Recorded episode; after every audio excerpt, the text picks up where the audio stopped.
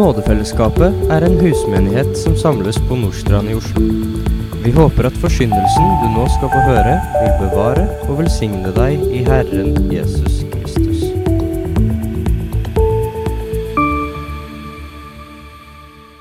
Kjære Herre, vi takker deg for uh, muligheten til å lytte til ditt ord. Det du skal fortelle oss i dag, det er eh, noe som eh, vil eh, virkelig ikke være lett hvis man skal begynne å oppleve det, Herre. Og kanskje har man kjent litt på det allerede. Vi ber deg, Herre, om at eh, ditt ord kunne få lov til å lyde tydelig og klart til oss. La oss få lære, og la oss følge det som du lærer oss. I Jesu navn. Amen. Vi skal lese fra Matteus 10, og i dag så er det vers 16 til vers 23. Se, jeg sender dere som får blant ulver. Vær da kloke som slanger og enfoldige som duer. Men ta dere i vare for menneskene. For de skal overgi dere til domstolene og hudstryke dere i sine synagoger. Og dere skal føres fram for landshøvdinger og konger for min skyld, til vitnesbyrd for dem og for hedningene. Men når de overgir dere, vær da ikke bekymret for hvordan dere skal tale, eller hva dere skal si. For det skal bli gitt dere i samme stund hva dere skal si. For det er ikke dere som taler, men deres fars ånd taler i dere. Bror skal overgi bror til døden, og en far sitt barn. Og barn skal reise seg mot foreldre og volde deres død. Og dere skal bli hatet av alle for mitt navns skyld. Men den som holder ut til enden, han skal bli frelst. Når de forfølger dere i én by, så flykt til en annen. For sannelig, sier jeg dere, dere skal ikke bli ferdig med byene i Israel før menneskesønnen kommer. Winston Churchill han holdt en tale i det britiske underhuset den 13. mai 1940. Det er en kjent tale, for der sa han Jeg har ikke annet å tilby enn blod, slit, tårer og svette. Så er det en del som mener at dette er en sånn parafrasering av en annen sånn hærfører, en som heter Giuseppe Geribaldi, som 2.7.1849, da han samlet sine revolusjonære styrker i Roma, så sa han Jeg tilbyr sult, tørst, tvangsmarsjer, kamp og død. Og Begge disse lederne de var i en svært vanskelig posisjon, der de holdt på å bli kjørt i senk av fienden. Og så var de da ærlige i møte med dette ovenfor sitt folk, eller det mannskapet de hadde under seg, om hva det var som egentlig venta de. Og så Samtidig så var dette her det er en måte å skape, merkelig nok, en, en styrke og et samhold som er med og forbereder og hjelper dem gjennom de menneskene som skal oppleve det som kommer. Og Det er mulig at begge disse mennene altså, henta sin inspirasjon fra Jesus. og det vi har lest litt her. Jesus han var altså i ferd her med å sende sine disipler ut i praksis for første gang. Og så forteller han dem hva som vil komme til å begynne å møte de i tjeneste for ham. Og Dette er jo ikke noe sånn moderne inspirasjonstale, sånn som uh, veldig mange prester etter hvert er blitt, som bare skal sitte og inspirere og motivere og, og sånn. Det er ikke noe sånn motiverende peptalk det Jesus kommer her. Det er ikke noe slik 'jeg fortjener det', altså velvære og rikdom, sånn som reklamen gjerne kommer med. Eller der noen sier at du skal stå foran speilet, og så skal du si 'jeg er en vakker, sterk, intelligent kvinne eller mann'. Før du skal liksom gå ut og erobre verden. Nei, det er ikke det. Jesus han pynta ikke på virkeligheten. Han, han la ikke skjul på noe. Det finnes ingen liten skrift i kallspapirene som Kirkenes Herre har sendt oss. Og Samtidig så møtte ikke disiplene det Jesus beskriver akkurat her underveis i denne praksisperioden. Og Det er akkurat som at Jesus han, han forbereder dem på det verste. Men så lar han dem erfare noe som er langt mer positivt først. For de kommer tilbake igjen etter de har vært ute i denne praksisperioden, og de er liksom fulle av entusiasme, og dette her var stas, liksom. Så han lar de få erfare noe mer positivt først. Og rent menneskelig psykologisk så er jo ikke det så dumt. For på den måten så bygde Jesus de opp til å tåle mer på den måten. Og så vet vi jo at disiplene de var ikke klare for det som Jesus beskriver her. De var ikke klare for det som kunne møte dem. Det, det vet vi ut ifra alt det andre som blir beskrevet om disse disiplene. Men de kunne umulig være klare heller, fordi at Jesus sin gjerning var ikke fullført ennå. Så vi forstår altså at det Jesus sier her, det har et lengre perspektiv enn en denne praksisperioden, helt åpenbart. Så det strekker seg altså til etter hans døde oppstandelse. Så strekker det seg langt inn i framtida. Langt inn i framtida. Det synes å gå helt fram til endetiden. Der hatet vil slå ut i full blomst under det som Bibelen vil kalle den store trengselen. Så dette er på en måte en sånn profetisk lære som gjelder disiplene på en måte først og fremst. Og disiplene fikk oppleve disse tingene, men det gjelder også de som vil følge i hans fotspor, som vil være hans sendebud. Til alle tider så vil det gjelde. Og så kommer det altså fra han som kaller seg selv den gode hyrden. Og dette skaper uten tvil et ganske viktig spørsmål. For en god hyrde, han verner sauene sine. Han verner de fra fare. Han leder dem til grønne enger og til hvilens vann osv., som vi kan lese om. Og Da blir spørsmålet hvilken hyrde er det som tillater ulver å komme inn blant flokken? Men det Jesus sier, er jo verre enn det, til og med. Her handler det om ikke bare å slippe ulver inn i flokken, men det handler om at man deler opp saueflokken, og så begynner man å sende sauene inn i ulvene sitt område. Ja, ikke bare det, man sender sauene midt inn i ulveflokken. Kan det altså være en god hyrde som gjør det? For det er ingen tvil. Se, jeg sender dere. Jeg sender dere. Det er Jesus som sender. Og det blir veldig raskt klart at det å gå ute blant ulver, det er ikke noe spøk. Det er ikke noe som vi kan ta lett på. For det, det krever klokskap. Slanger det ble fra Egypt og ellers i, i gamle dager. Det blir regna som veldig kloke, kløktige, listige, smarte dyr. Eh, og Jesu utsendinger de synes å måtte utvise en form for en kombinert visdom. Altså noe som har alle disse elementene i seg. Man skal både være listig, man skal være kløktig, man skal være smart. Man skal altså være mye av disse tingene kombinert for å klare seg ute der blant ulvene. Så skal man altså klare seg der, så er man avhengig av mange ferdigheter. Og Paulus han skriver til kolosserne i kapittel 4, vers 5.: Omgås i visdom med dem som er utenfor. Kjøp den lagelige tid, sier han. Vi er nødt til å investere i tid.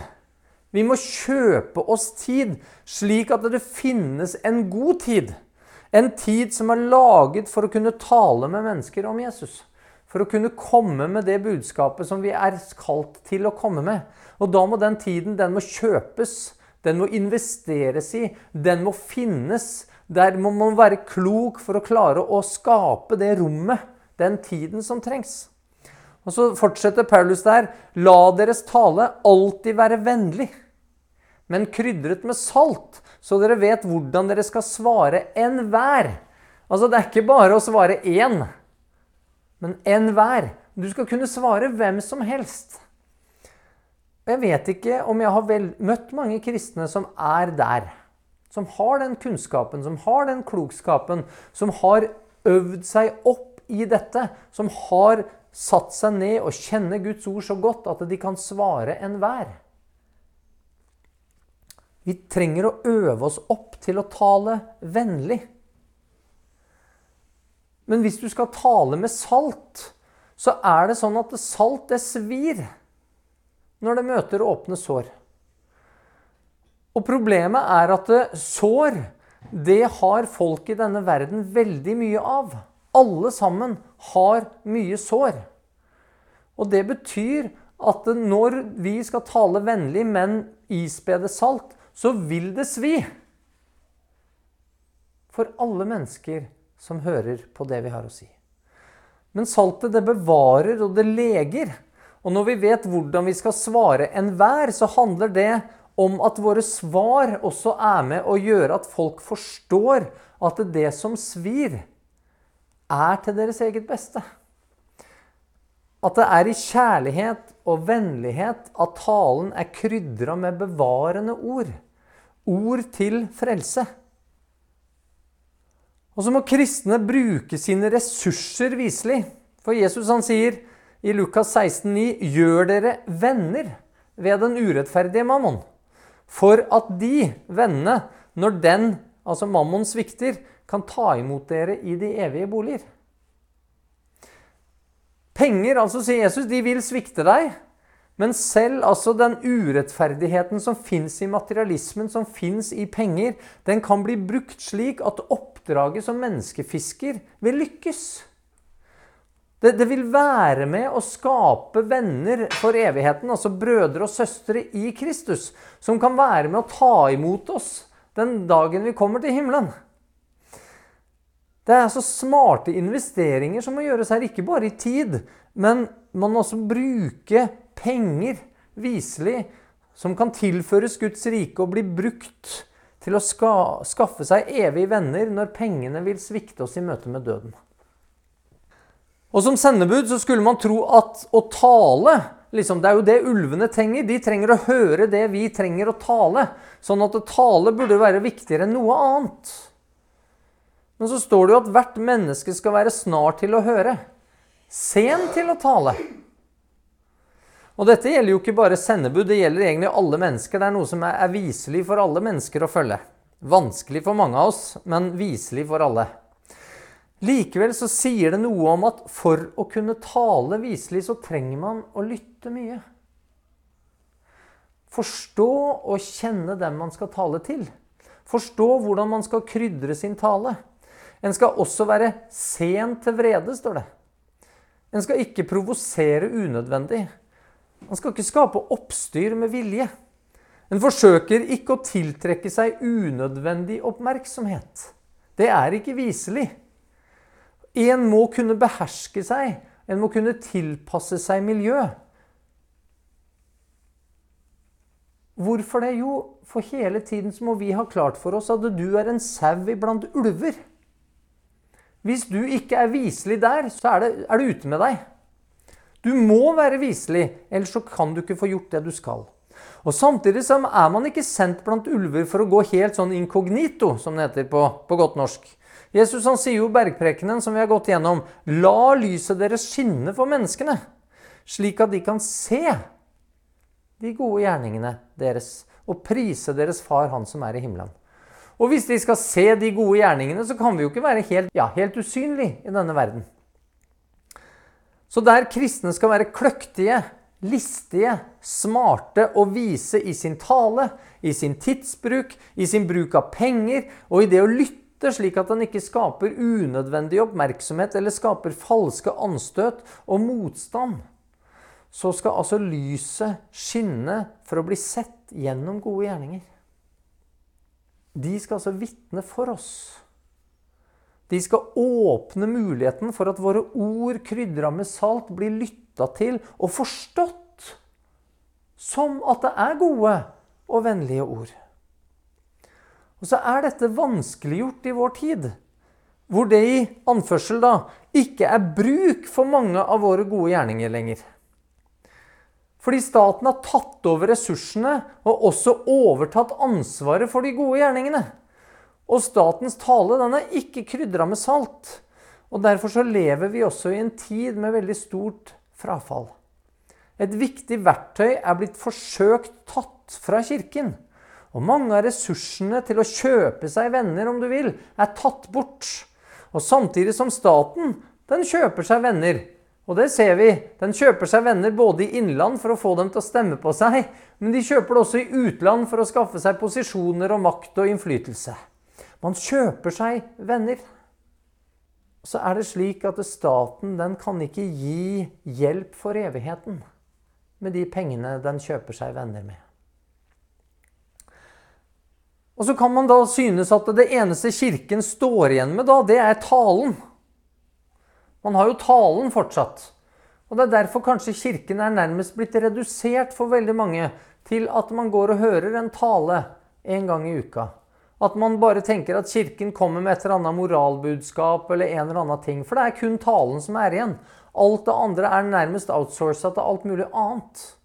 Da er det jo sånn at hvis vi bare har talen igjen, så vil saltet i våre ord, den vil bare svi. Man vil ikke se det gode i ordene fordi gjerningene nå mangler. Gjerningene mangler. Hvordan kan man ta det tilbake igjen? Og Derfor så ser vi nok også at det etter hvert vil bli mer og mer motstand mot ord, mot tale. At det blir lagt ned forbud mot ord som inneholder salt. De tåles ikke. Og Samtidig så har mange innafor kirken forsøkt å sile bort saltet fra sin tale.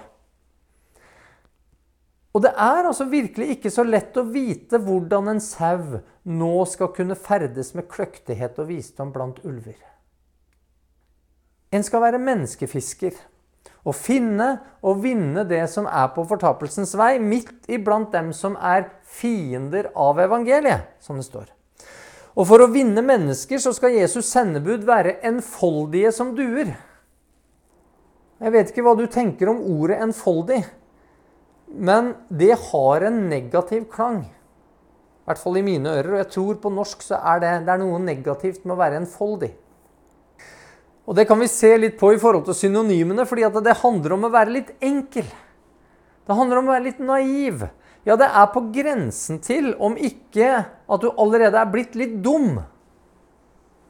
Da er du enfoldig. Og så er det samtidig nettopp det du automatisk vil bli stempla som å være, dersom du velger å ta Bibelen på alvor. Det hjelper faktisk ikke hvor smart du er sånn rent intelligensmessig, og om du beviselig kan vitne om forskjellige vitnemål eller doktorgrader og forskjellige ting du har gjort. Om du tror og vitner om at Guds ord er sann fra begynnelsen til enden, så vil verden, ja, de fleste også innafor kirka, i beste fall regne deg som enkel. Og mer sannsynlig så vil du regnes som direkte dum. Og du vil bli gjort narr av både bak din rygg og direkte opp i ansiktet. Og så er det nødt til å bli slik for en som er en sann kristen. Men da hjelper det jo allerede å ha lært av det Jesus sier, at du skal bli enfoldig som en due. At du allerede har inntatt en tjeners skikkelse. Inntatt en holdning til deg selv som gjør at man klarer å leve med en slik merkelapp. At ikke det blir en trussel. At ikke blir det noe som trykker deg ned, og som ødelegger deg som menneske. At en på tross av at man blir regna som enkel, naiv og litt dum, kan være glad og frimodig som et vitne for Jesus. Og Derfor så er det få vise etter kjødet, få mektige og ikke mange av høy ett som er kaldt, står det. Disse tingene henger sammen. Søker man verdens gunst og ære, så blir det umulig å kombinere med den enfoldighet som etterfølgelse og tjeneste av Jesus og for Jesus krever. Og dersom man vil fastholde sin egen ære, opprettholde et rykte som intelligent og smart, så vil det skje en av to ting. For motstanden fra verden, den vil bare øke da. Og en blir selv en hindring for å vinne andre for Kristus. Da vil en selv stå i veien. Og så kan man også begynne å oversette enfoldig med ordet troskyldig. Eller som i de engelske oversettelsene, som bruker ordene som på norsk vil være harmløs eller uskyldig. Og Disse begrepene de vitner litt om sammenhengen som ligger i det Jesus ber sine sendebud om å være, som jeg ønsker at dere skal forstå. En skal altså være smart, klok, kløktig i sitt oppdrag, men man skal innta en holdning som utad vitner om at du er ufarlig, at du er troskyldig. En holdning som egentlig på mange måter lurer omgivelsene. Det lurer omgivelsene. Det Jesus egentlig beskriver her, det er det som blir en kristen soldat sin kamuflasje i verden. Det er det som gjør at en sau kan gå der midt iblant ulvene og ikke bli revet i fillebiter. Fordi du blir regna som så uviktig, så lite fornuftig, så liten trussel at de lar deg være i fred. Men så skal du også være klok og smart og kløktig. Og da handler det altså ikke om å rakke ned på seg selv, ødelegge sitt selvbilde. En, en kristen er barn av kongenes konge. Han har arverett til det evige liv. Han er konge og prest. Vi skal eie hele denne jorda. Vi skal være med å dømme ulvene. Ja, vi skal dømme selv engler, står det. Og så handler det heller ikke om å drive skuespill. Det handler ikke om at jeg skal gå rundt og late som at jeg er enfoldig. At jeg er litt dum og naiv, men, men, men jeg bare driver skuespill. Jeg skal være ydmyk. Vi trenger å gjøre oss avhengig av andre, og dermed opphøye andre framfor seg selv. En skal tenke at andre er viktigere enn seg selv. Det var jo akkurat det Jesus lærte dem, som vi så på i forrige uke. At du ble avhengig av andre. Samtidig er man altså satt inn i verdens viktigste oppdrag. Man er Guds ambassadør, utnevnt og kalt av Gud selv. Og så er det bare de beste soldatene med den beste treningen som kan operere bak fiendens linjer. Der kan man ikke ha med seg masse løse kanoner. Mennesker som er fulle på seg selv. For da vil det oppdraget mislykkes. Og etter egen militærtjeneste som jeger så vet jeg litt om akkurat det. Om hva som krevdes for å operere der bak fiendens linjer, for det var det vi drev og øvde på hele tida. Ulver kan vi vite, de lever i et strengt hierarki. Og det vil alltid kjempes om hvem som skal dominere alle de andre. Og Dette her begynner vi å se. Den perioden som vi har vært igjennom nå, med såkalt demokrati, med folkestyre hvor liksom alle er like mye verdt og sånn, det er et lite blipp på radaren i verdenshistorien. Det er helt unormalt. Normalt sett så har det vært de som hersker, og de som blir herska over. Og vi er på vei, synes det som, å komme tilbake igjen dit. Man ønsker å få en herskerklasse og noen som skal bli herska over. Ulver lever altså i et strengt hierarki. Og en kristen som vil være stor i verden, han vil ustanselig måtte kjempe mot de dominerende ulvene, og han er dømt til å tape. For som en kristen så kan man ikke bruke de midler i kampen som det ulver kan. En sau er altså ikke en match for en ulv, slik sett. Den eneste måten en kristen tilsynelatende kan vinne på, det er å legge bort de egenskapene og de holdningene og de handlingene som Jesus ber oss om å ha. Og samtidig legge saltet bort. Kompromisset på budskapet. Og det er ikke til å komme unna at svært mange av de som synes å i anførsel da, lykkes blant kristne i verden, det er falske vitner. Det er de som får disse megakirkene. Det er de som kan komme på TV. Det er de som får lov til å slippe til fordi at de er ufarlige. De truer på en måte ingen. De er falske vitner, eller det Bibelen vil kalle geiter. Og de kan nok ligne litt på sauer, men de har egenskaper som sauer ikke har. For de har den evnen at de kan balansere der på stupet. De kan komme seg unna ulver ved å kunne klatre dit hvor ulver ikke kan. Og de har også horn, så de kan forsvare seg hvis de trenger det. Sauer har ikke det. Å være en due, det handler også om renhet. Duen var et rent dyr. En må holde fast på Guds ord i renhet. Forkynne det rent og klart. Et Kristi sendebud skal aldri være hensynsløs, hard eller fiendtlig, men mild og diskré i forhold til verden. Det Jesus egentlig beskriver her, det er en måte å være på som gjør at den minimerer motstanden fra ulvene, samtidig som man maksimerer muligheten for å fungere som en god menneskefisker og være effektiv i sitt oppdrag. Man minimerer motstanden fordi ulvene oppfordrer deg som ikke bryet verdt. Du er for dum, du er for troskyldig og uskyldig. Du er ikke verdt å bruke tid på. Du er ikke en trussel. Du er ikke noe fare for hierarkiet. Du prøver ikke å dominere andre. Du prøver ikke å få verdensherredømme, på en måte, om du vil.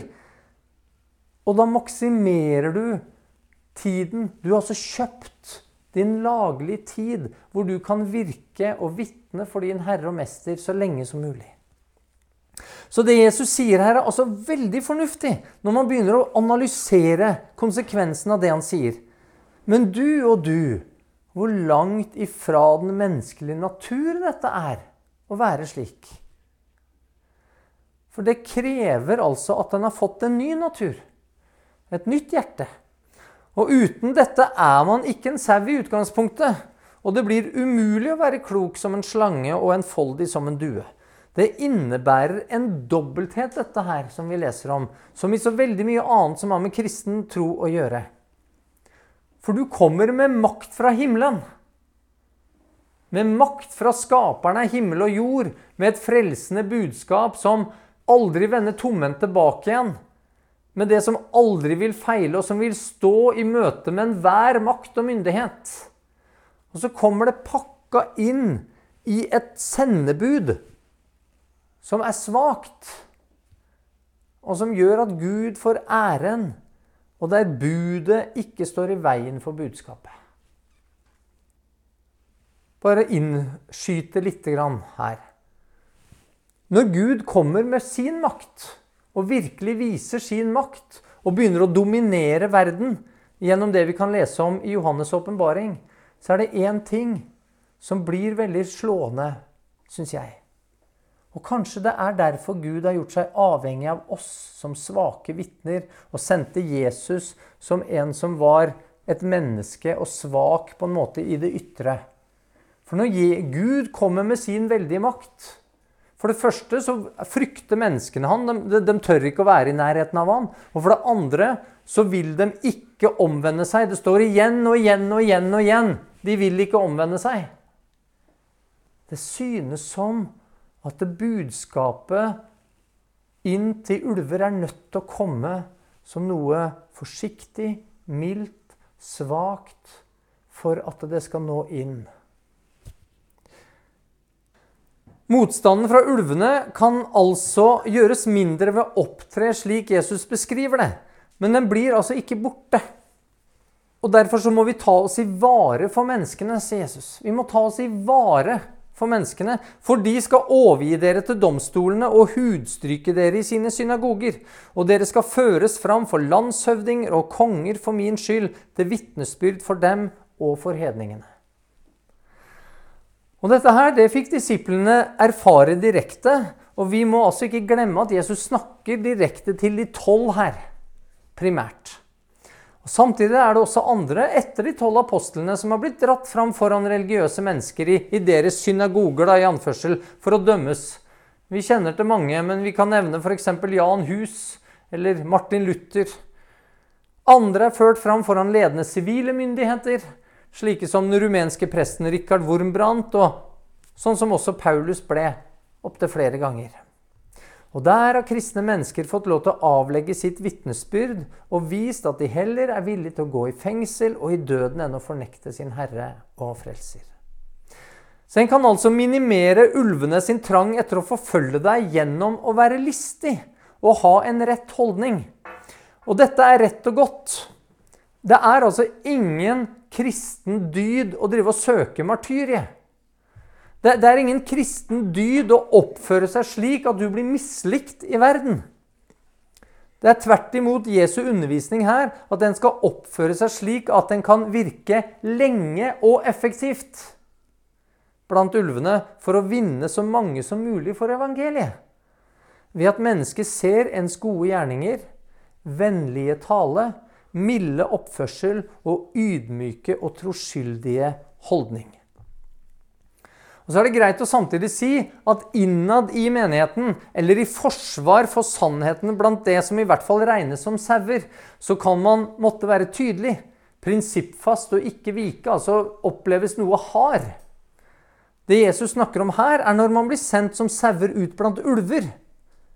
Og det er noe annet enn når du er blant sauene og det kommer en ulv inn dit. Da vil du kunne møte det med helt andre vurderinger og handlemåter enn det vi på en måte fokuserer på i dag. Da opptrår man med den autoritet og den makt man har fått ifra Guds ord. Det er to forskjellige ting. Men nå snakker vi i dag altså om å være sau ute blant ulver. Men det finnes en annen måte å unngå forfølgelse og ubehageligheter på, og det er å være stille.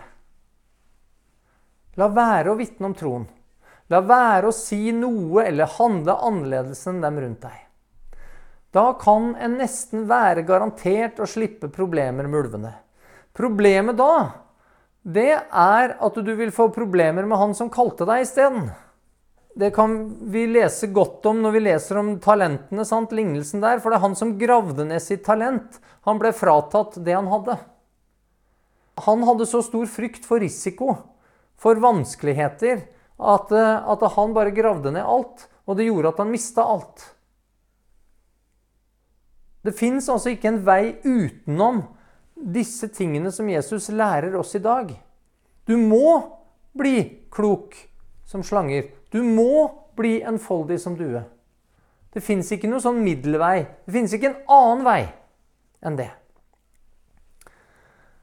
Men han som ga denne befalingen om å gå inn blant ulver, han sier til sin tjener Jakob, altså Israel da, i Det gamle testamentet, noe som også gjelder for hans tjenere i den nye pakt. Det er i Jesaja 41, vers 10-13, så kan du lese Frykt ikke, for jeg er med deg.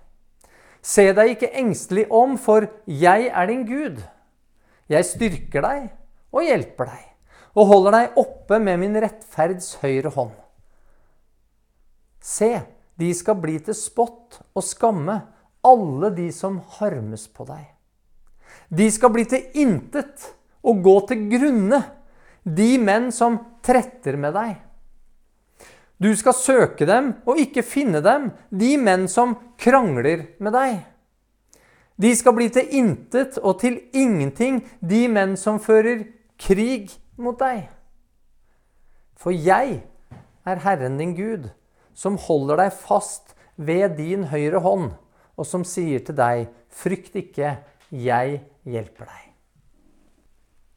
Og Dette her blir bekrefta i den nye pakt når Jesus han sier, 'Se, jeg er med dere alle dager inntil verdens ende'. Og det var det vi leste her i Jesaja. Fordi hva er det som styrker og hjelper deg og holder deg oppe? Jo, det var Guds rettferds høyre hånd. Hvem er det som sitter ved Guds høyre hånd? Hvem er det som er Guds høyre hånd? Jo, det er alltid Jesus Kristus. Og Likevel, med et sånt løfte, så kan man bli engstelig for hvordan en selv ville reagert dersom man begynte å komme i slike situasjoner og opplevde slike vanskeligheter. Og som med så mye annet så lærer man av feiltrinn. Man lærer av erfaring. Og fordi Gud underviser sine ambassadører, og så steller han godt med dem, så, eh, de som gjør det som han befaler. Han slår altså ikke hendene av de som feiler. Den ydmyke gir han nåde, står det. Og når man feiler og lærer av det, da vokser ydmykheten. Og slik så vokser nåden i en ambassadørs liv. Eh, og på den måten så kan Gud bruke slike stadig mer virkningsfullt. Det eneste som kan hindre denne veksten, og at nåden får lov til å vokse på den måten, det er vår stolthet.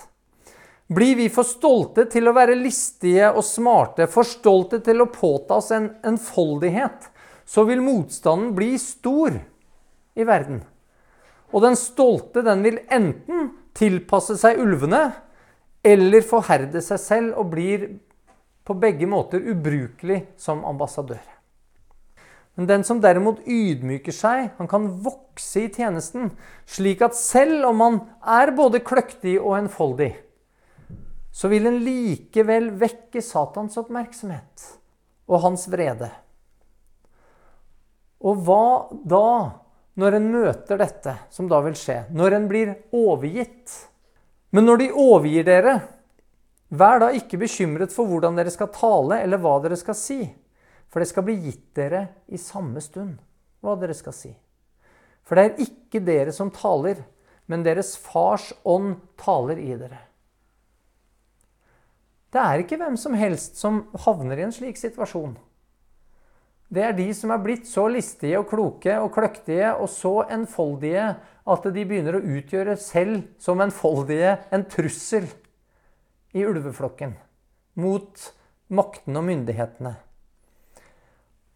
Og det er slike som altså har virka effektivt i Herrens tjeneste. De som kjenner Hans ord veldig godt. De som tjener i ydmykhet og har søkt Herren. Og som vil oppleve dette som Gud her sier. Og de vil oppleve da at Gud vil gi dem det de skal si i møte med disse tingene. Og så er det mange som kan fortelle at de har erfart dette i forskjellige situasjoner og i langt mindre alvorlige omstendigheter enn de som Jesus også peker på her. Blir man altså et effektivt vitne, så på tross av altså klokskapen og enfoldighetens kamuflasje og blir angrepet, så kan man også regne med at en er så moden som troende og har et så godt forhold til sin Herre at en vil kunne møte den motstanden som kommer ved den kraften som Gud gir.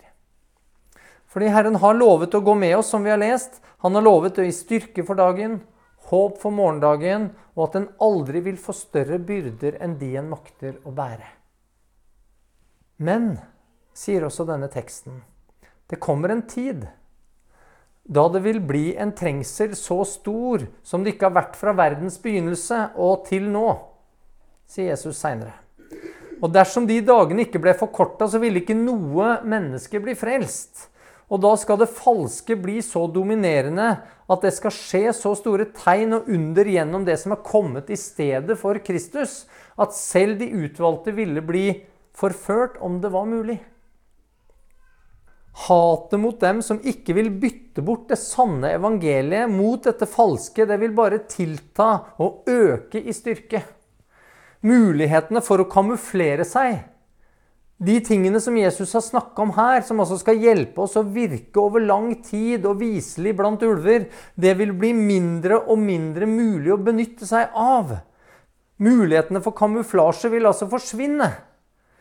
Og det skjer av forskjellige grunner. Det skjer både teknologisk, men også fordi det kreves etter hvert et merke og tilbedelse av noe som ikke er Bibelens hellige Gud og jordens skaper. Og denne tilbedelsen det kjente den første kirke til. Da handlet det om en gang i året å gå inn i Cæsars tempel og kalle ham herre og gi ham en denar, en dagslønn. Jødene de kjenner dette med merke veldig godt. De måtte jo gå rundt og bære denne davidsstjernen offentlig for å vise hvem de var. Og en gang så skal altså begge disse måtene kombineres. Hver den som ikke tilber dyret og har hans merke på seg, vil altså få så store vansker med å overleve. Det vil altså være veldig veldig vanskelig å kamuflere deg med din enfoldighet og med din klokskap og kløktighet. Og det vil også være vanskelig fordi at det kommer til å være et voldsomt angiveri. Fordi hatet er blitt så enormt stort. Bror skal overgi bror til døden. Og en far sitt barn. Og barn skal reise seg mot foreldre og volde deres død, står det. Og dere skal bli hatet av alle for mitt navns skyld. Så har dette skjedd opp igjennom historien overfor kristne også tidligere i perioder. Men her bruker altså Jesus ordene 'hatet av alle'. Og Det betyr jo ikke hvert eneste menneske på jorda, men det vitner om en totalitet og et verdensomspennende omfang. Å bli hata er en fryktelig situasjon å være i. Dersom hat får lov til å utfolde seg, så får det grusomme konsekvenser. Og det har vi sett denne uken fra Israel, hvor hatideologi i full blomst har fått lov til å vise hvordan det kan foregå i praksis. Med lemlestelser og halshugginger og voldtekter og levende brent, og at man dreper udiskriminerende og torturerer og tar til fange. Hat i fri utfoldelse. Og når hatet etter hvert blir sanksjonert fra stater. Altså bli gjort nærmest lovlig, det har vi sett også gjennom historien, og gjennomført på verdensvis skala. Da forstår vi kanskje hvorfor det heter 'den store trengsel'. Så finnes det ikke veldig mye trøst for meg å komme med overfor noe slikt. Ikke noe jordisk håp finnes da. Når hatet råder, så er det jo fordi kjærligheten er blitt kald. Og det kunne jeg lese om senest i avisen i går. Der var det en mor som var gravid med trillinger. Og så drepte hun to av barna sine og fødte bare én av dem. Og så står hun der offentlig fram i sin stolthet, kan det synes som, og sier at hun ikke angrer med et eneste fiber i sin kropp etter at hun har drept to av sine barn. Da er kjærligheten blitt kald. Da har den blitt iskald. Så er ikke det så rart når man har vendt seg bort ifra Han som er kjærlighet. Og så finnes det kun en liten trøstende tanke å gi i møte med et slikt hat og de grusomheter som følger av det. Og det er at det hatet det er egentlig ikke retta mot deg, men det er retta mot Jesus. De hater Gud og alt han står for. De vil altså rydde han av veien. Korsfest! Få han bort! Vi tåler han ikke! Og enhver som da minner dem om Gud, vil føle på akkurat det samme hatet som de har mot Han. Og Det er ikke noe stor trøst der og da, kanskje. Men det å vite at Jesus har vært gjennom det, og at det er han de hater, og at de hater oss på grunn av han, kan i hvert fall være til noe hjelp. Så vil ikke jeg stå her og late som om det er veldig lett i vår tid heller, selv om vi ikke er der kanskje helt ennå. Det krever offer i dag. Det krever bevissthet. Det krever utholdenhet. En må stå opp mot et enormt press fra samfunn, fra medier, fra fristelser og tankebygninger. Den som holder seg til Kristus, til Bibelens sannhet og lære den, vil oppleve vanskeligheter fra familie. De vil miste venner. Vanskeligheter fra verden og fra de som kaller seg kirke, men som ikke er det. Husk da at det er for Jesu skyld en vil oppleve vanskeligheter og hatt. Og dette hadde ikke vært mulig for noen å holde ut om det ikke var for frelsen.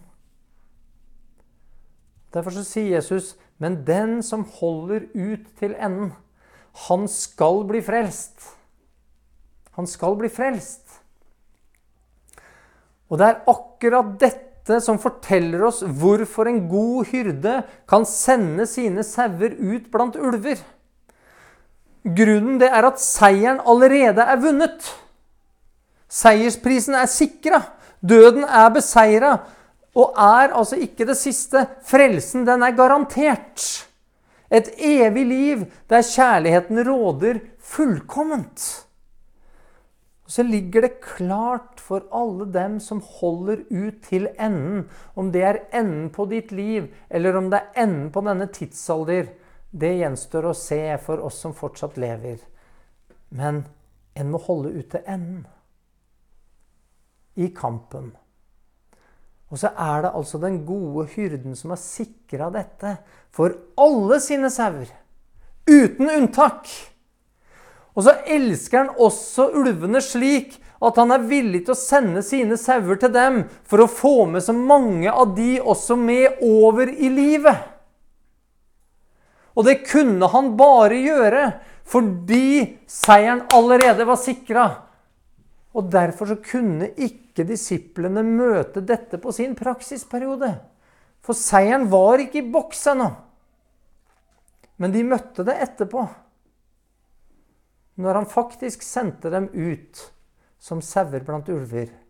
Og av de tolv, eller de elleve pluss han som ble valgt etter Judas, så var det elleve av de som altså døde for det.